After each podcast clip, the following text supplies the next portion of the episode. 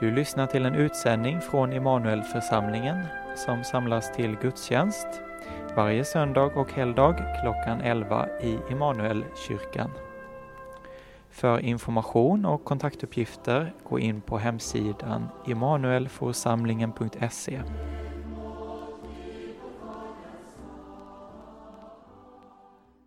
I Faderns och Sonens och den helige Andes namn. Nåd vare med er och frid ifrån Gud vår Fader och Herren Jesus Kristus. Låt oss be. Rena, o Gud, våra hjärtan och samveten så att din son, när han kommer till oss i sin heliga nattvard, i vårt hjärta må finna en beredd boning genom samme din son Jesus Kristus, vår Herre.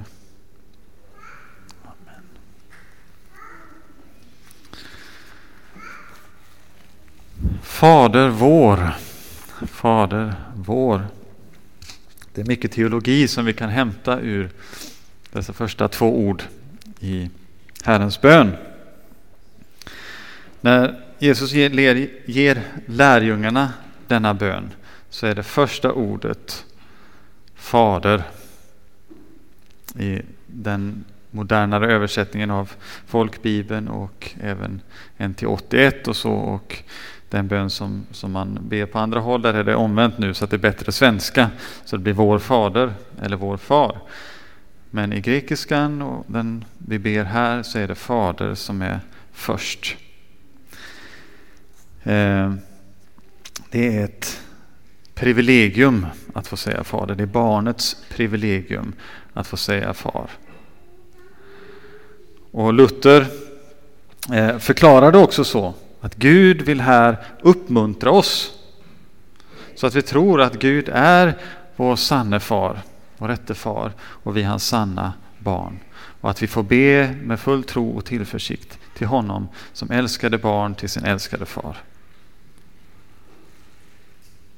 Det är ett uppmuntrande ord. Det vill inbjuda oss att vända oss till Gud som är vår far.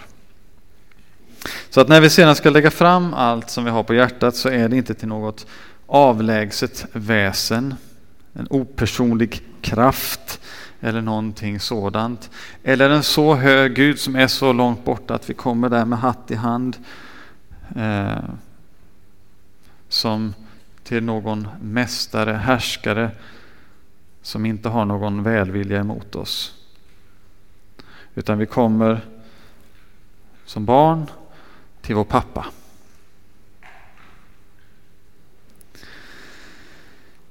Och det är inte en pappa som sviker. Jordiska papper kan vara olika bra eller dåliga. Eh, olika bra på att leva upp till det namnet som man egentligen får till låns. För det är en, bara en avbild eller en skuggbild av vår himmelske far som vi jordiska fäder kan vara. Och vi har fått det till låns och också detta är ett namn som inte ska missbrukas. Så det andra budet gäller särskilt också fäder på detta sätt. Det finns mycket forskning som visar på hur stor inverkan ett barns relation till sin far eller pappa också har på deras gudsbild. Och jag tror också att det är sådant som kommer beröras, tar upp det sen under pålysningarna med Dina Fagerholm när hon kommer med kvinnodagen. Eh, men hur stor påverkan fäder kan ha på ett barns gudsbild. Det innebär att det vilar ett, ett väldigt stort ansvar på fäder och alla har vi nog ofta mycket att bekänna och be om förlåtelse för. Och det finns många kristna som kämpar med att se på Gud som kärleksfull på grund av att deras far inte har varit det. Eller inte se Gud som närvarande av motsvarande anledning. Men här vill Gud uppmuntra oss. Att oavsett om jordiska fäder sviker så gör inte jag det. Du är mitt barn. Och när vi kommer till honom så vill han ta oss i sin famn och säga Du mitt älskade barn, vad är det nu som ligger på ditt hjärta? Vad är det du vill be mig om? Fader. Och sen för att också påminna oss om att vi inte är ensamma utan vi har massa syskon så får vi också säga vår. Fader vår, inte min utan vår. Vi är inte Guds enda barn utan vi har många syskon som Gud älskar lika mycket och i honom så hör vi ihop. Vi läser sedan i episten Genom honom har vi båda i en och samma ande tillträde till Fadern. Vi hör ihop. Och I gudstjänsten så kommer det också till konkret uttryck i nattvarden. Det är en gemenskap med Kristi kropp och blod som vi tar del av. Men det är också en gemenskap i Kristi kropp där vi är lemmar tillsammans i Kristi kropp. Sin familj väljer man inte. Den föds man in i.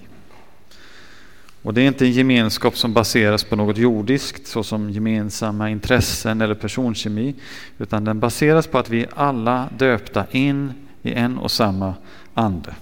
Eller vi är alla döpta i en och samma ande för att höra till en och samma kropp vare sig vi är judar eller greker, slavar eller fria och vi har alla fått en och samma ande utgjuten över oss. Och det baseras också på ytterligare en sak. Att vi alla syndare som Gud förbarmat sig över. Som syndare gör vi fel. Och att leva tillsammans som kristna är inte lätt. Att leva tillsammans som människor är inte lätt.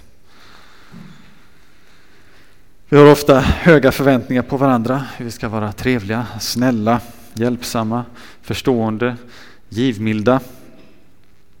Och det ska vi också vara. Men vi är inte alltid det. Vi är också vresiga, har kort tålamod, kan dra förhastade slutsatser, är själviska och gör människor besvikna.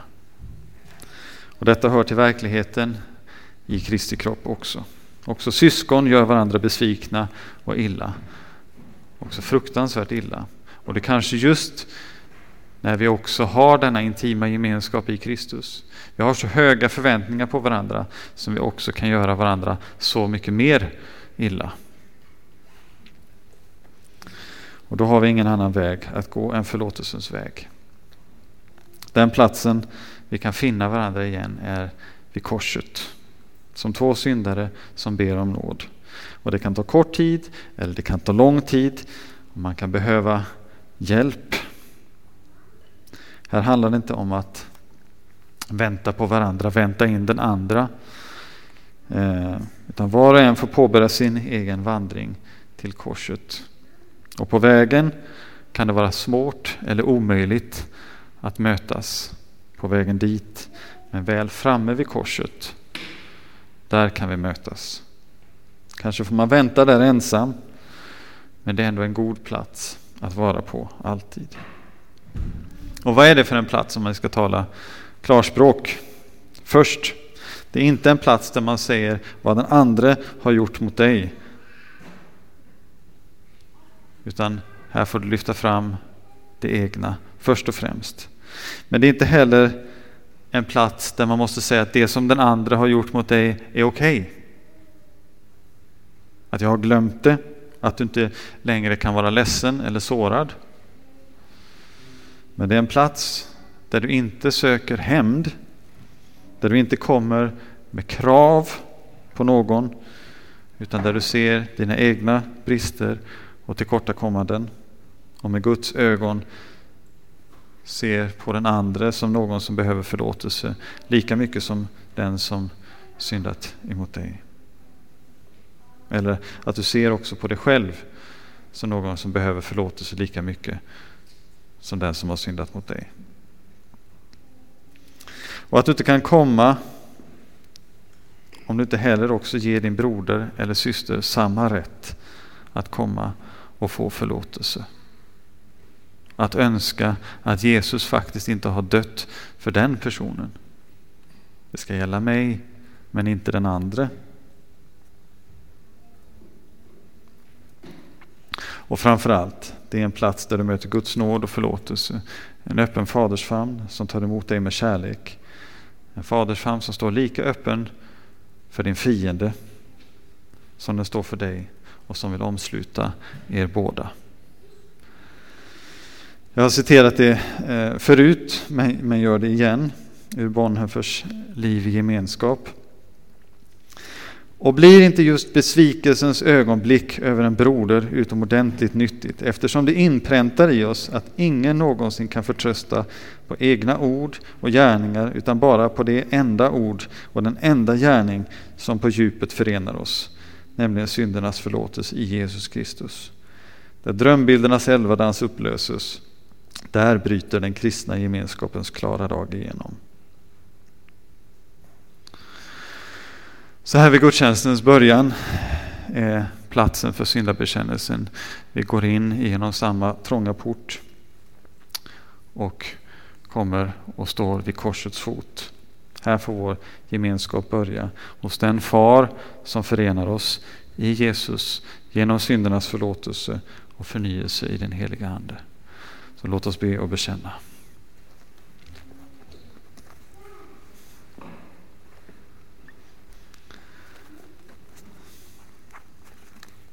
Jag bekänner inför dig, helige Gud, att jag ofta och på många sätt har syndat med tankar, ord och gärningar. Tänk på mig i barmhärtighet och förlåt mig för Jesu Kristi skull vad jag har brutit. Herre, hör nu varje hjärtas tysta bekännelse.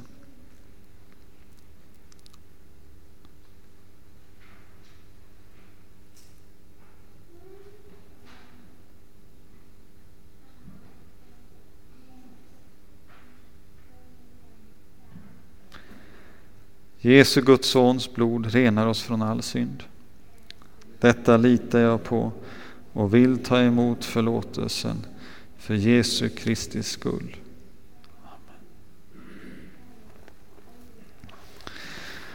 Till dig som ber om dina synders förlåtelse säger jag på Jesu Kristi uppdrag. Dina synder är dig förlåtna. I Faderns och Sonens och den helige Andes namn. Amen. Käre Fader i himmelen. Vi tackar dig för syndernas förlåtelse genom Jesus Kristus, vår Herre. Amen. Allsmäktige evige Gud, du som samlar de förskingrade och bevarar din församling, ge ditt folk enhetens nåd så att vi flyr all söndring och alltid följer din kyrkas Herre och Herde. Genom din Son Jesus Kristus, vår Herre.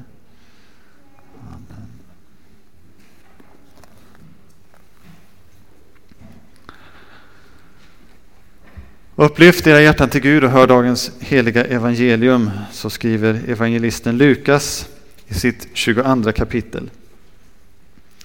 Det uppstod också en tvist bland lärjungarna om vem som kunde anses vara störst.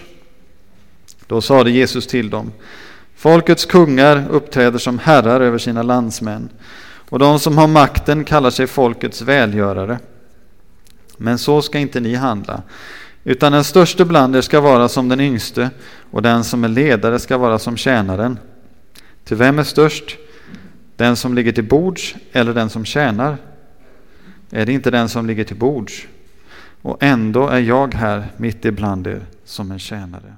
Så, nu ska vi gå tillbaka i tiden lite grann. Kommer ni ihåg Josef i Gamla Testamentet som hade drömmar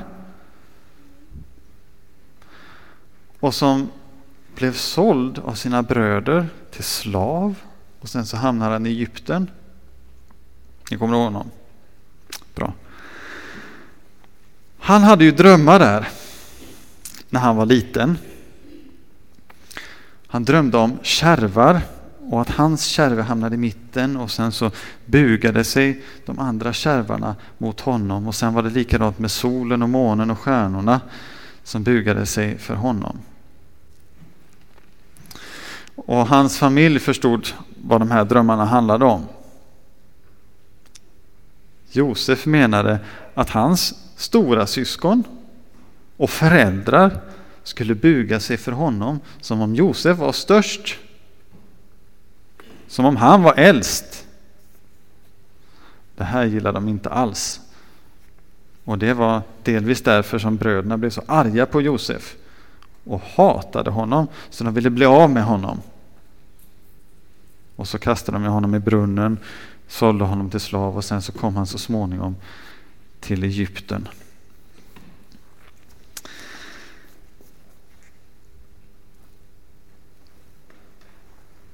När Gud ger någon mycket makt eller när han låter någon hamna högt upp och kan bestämma över många så har Gud en särskild vilja med detta. Det är inte att den personen som blir jättemäktig ska använda den positionen eller den platsen för att få det så bra som möjligt själv. Utan han vill att den som får så mycket att säga till om, den som får makten att kunna bestämma så mycket, att den personen ska hjälpa andra. Det är därför Gud ger någon en sån position. Så Josef då i Egypten, när han väl kom där så småningom så blev han ju upphöjd och blev den näst mäktigaste i hela Egypten. Det var bara farao som var mäktigare, som var större. Och Gud gjorde detta för att hjälpa många människor.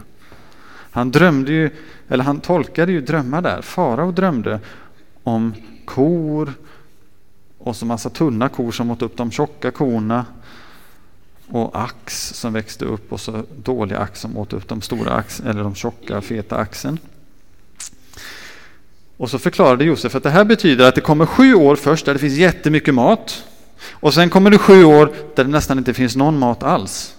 Så de sju åren där det finns jättemycket mat, då måste man spara, samla i lador. Så att när det kommer de sju åren där vi inte har någon mat, då kan vi äta av överflödet, allt det som fanns över när vi hade så mycket mat.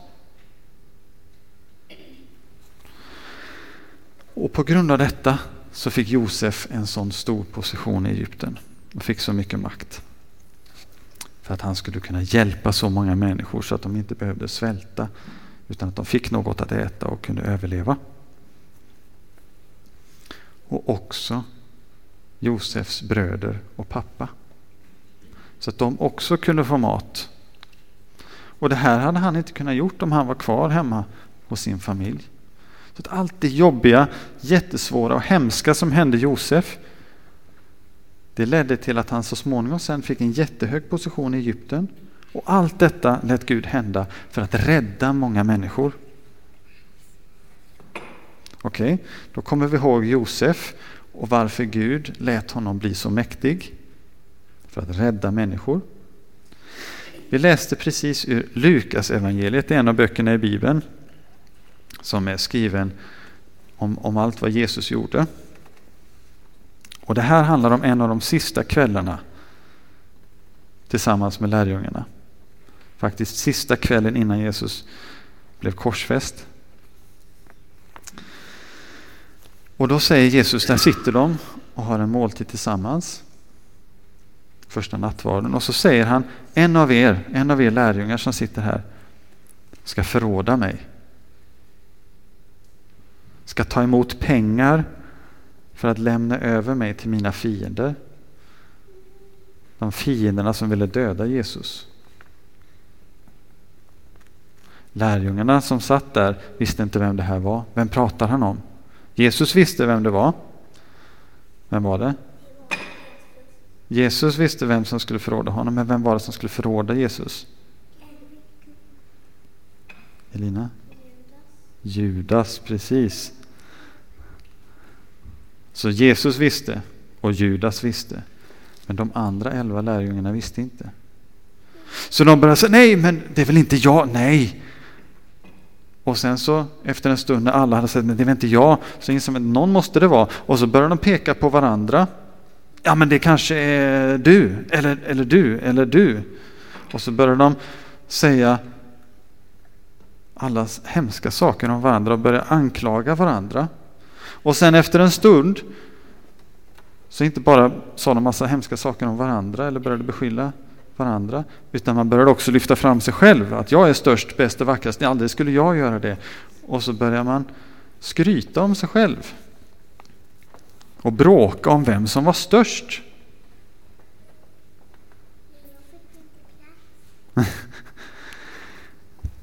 eh.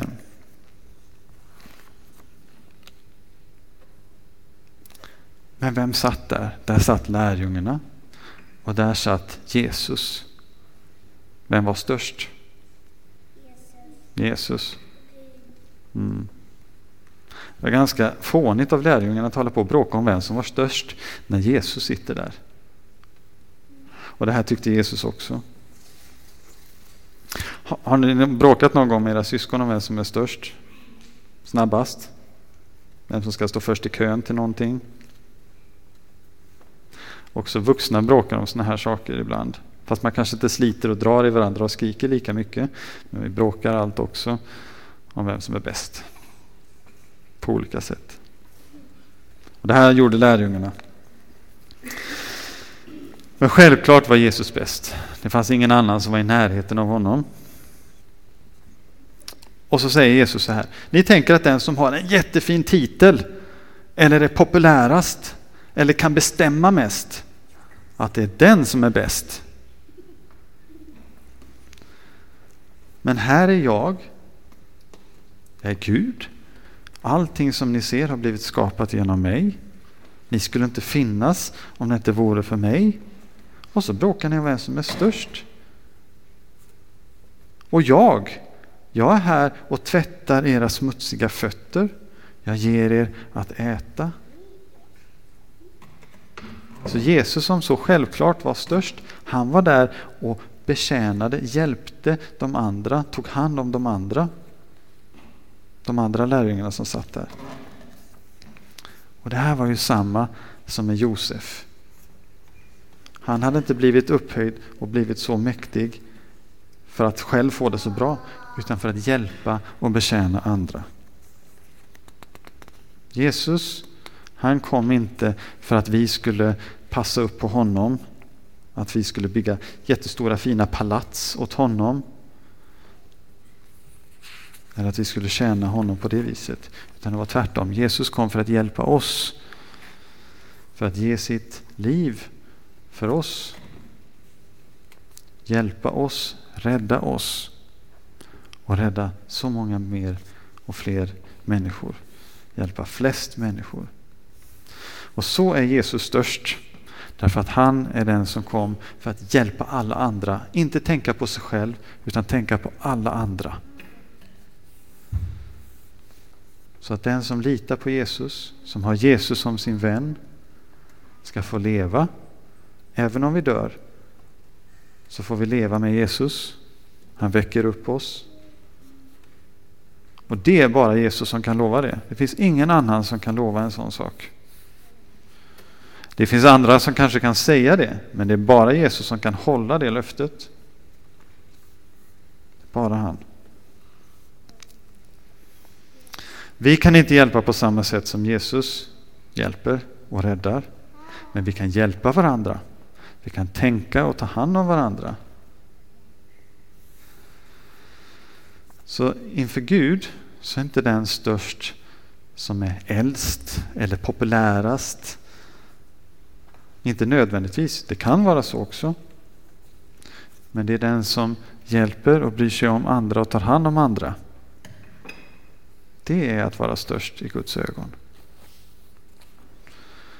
Och samtidigt har vi alltid, oavsett hur det ser ut och vad som händer, så har vi alltid en som vill hjälpa oss, ta hand om oss, se till att vi har det rätt ställt med Gud